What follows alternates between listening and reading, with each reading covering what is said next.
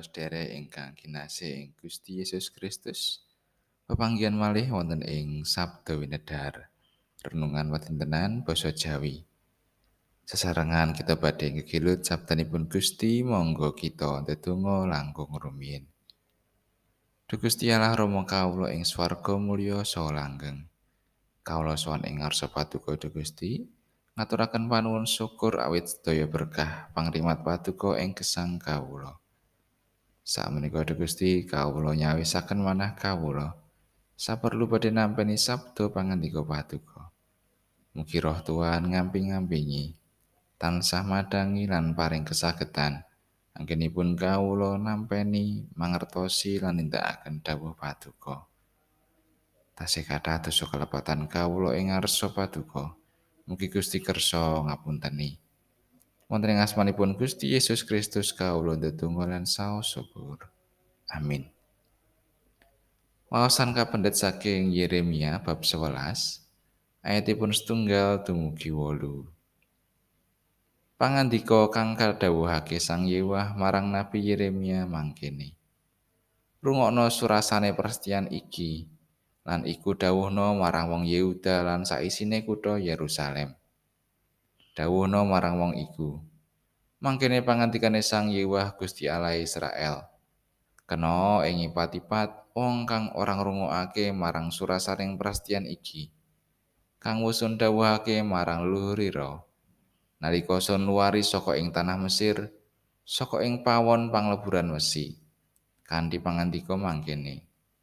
Rungokno dawuh ingsun lan lakonana kabeh kang sun dawuhake marang sira. Temah sira bakal dadi umat ingsun lan ingsun dadi Allahira. Supaya ingsun bisa netepi ing supaos kang sun dawuhake marang para leluhurira.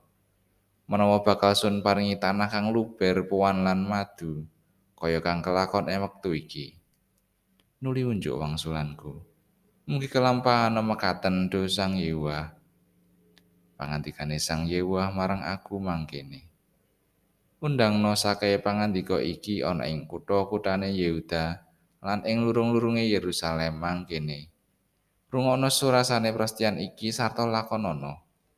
Amarga ingsun wis mawanti-wanti ngelingake marang para leluhurira nalika padha sun luwari saka ing tanah Mesir. Tumeka saprene ingsun tansah ngelingake rungokno dawuh ingsun. ewadene padha emoh ngrungokake lan gatekake. Nanging siji-sijine malah padha nekat nuruti atine kang ala. Ingsun wis ndatengake saking surasane pastian iki. Kang wusun dawuhake murid ditepono. Nanging padha ora ngestokake. Mangkatan pangandikanipun Gusti ayat najeng ayat kang salce. Nuli unjuk wangsulanku Mugi kelampahan mekaten dosang Yewa.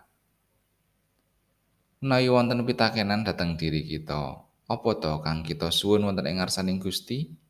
Cobi kita damel reng-rengan. Bagas waras, sluman-sluman selamat, bejo, rezeki ingkang sempulur, tebih saking panggodolan bilai, omah, mobil, motor, deposito, pensiun mulya, lari-lari sukses, sema ingkang bagus tawi ayu, menika ingkang kagem diri kagem berayat pasamuan bangsa lan negari menawi ditalitilan purun bloko panyuwunan kagem tiang sanes utawi pepodo kangge golongan sanes kula kinten namung sekedhik contoh pasamuan ingkang rembaka nguyaraken kratoning Allah nang kagem bangsa makmur pemimpin ingkang adil katosipun namung menika Nai wonten saged panjenengan ewahi piyambak. Nai mboten sarujuk mboten menapa. Menapa ingkang dipun raosaken dening Yeremia menika langkung aurat malih. Awit Gusti Allah sejatosipun setya ing supaosipun ananging mirsani umatipun sami nyelaki persetya ingkang sampun kawitan ing leluhuripun bangsa Israel. Gusti Allah badhe ndawahaken bentunipun lan Nabi Yeremia kapurih ngundangaken bapak hukuman menika ing Yerusalem lan Yehuda. Nabi Yeremia mboten kepareng ndongaaken umat menika. Tentu kados kita nyuwun bab ingkang prayogi tumraping diri lan tiyang ingkang tetresnani. Lah menawi kita mangertos Gusti Allah badhe ndawahaken bendu, kita enggal-enggal nyuwun. Sampun ngantos kelampan ing kula tinebina saking kawula. Saestu pandonga kita menika asring egois purun nampi ingkang prayogi wegah nampi ingkang awon. Lah menawi Gusti Allah ngersakaken dhateng kan bendu dhateng kita, menapa kita saged matur kados Nabi Yeremia, mugi kelampahan mekaten. Utawi ing pamanggih kita Gusti Allah menika mau asih, boten badhe ngukum umatipun. Kita asring boten saged nampi pawartos bilih Gusti Allah ugi saged ndawahaken bebendu dhateng umatipun. Amin.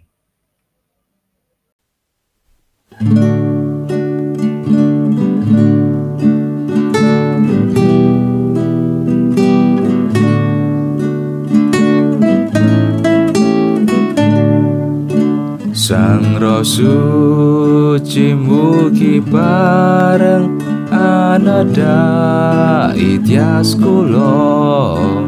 Timen atentrem rahayu kapenuhan ing tresno Gusti kang setya patuko kulon delaken mugi bareng nedakaken roh suci ing tias kula.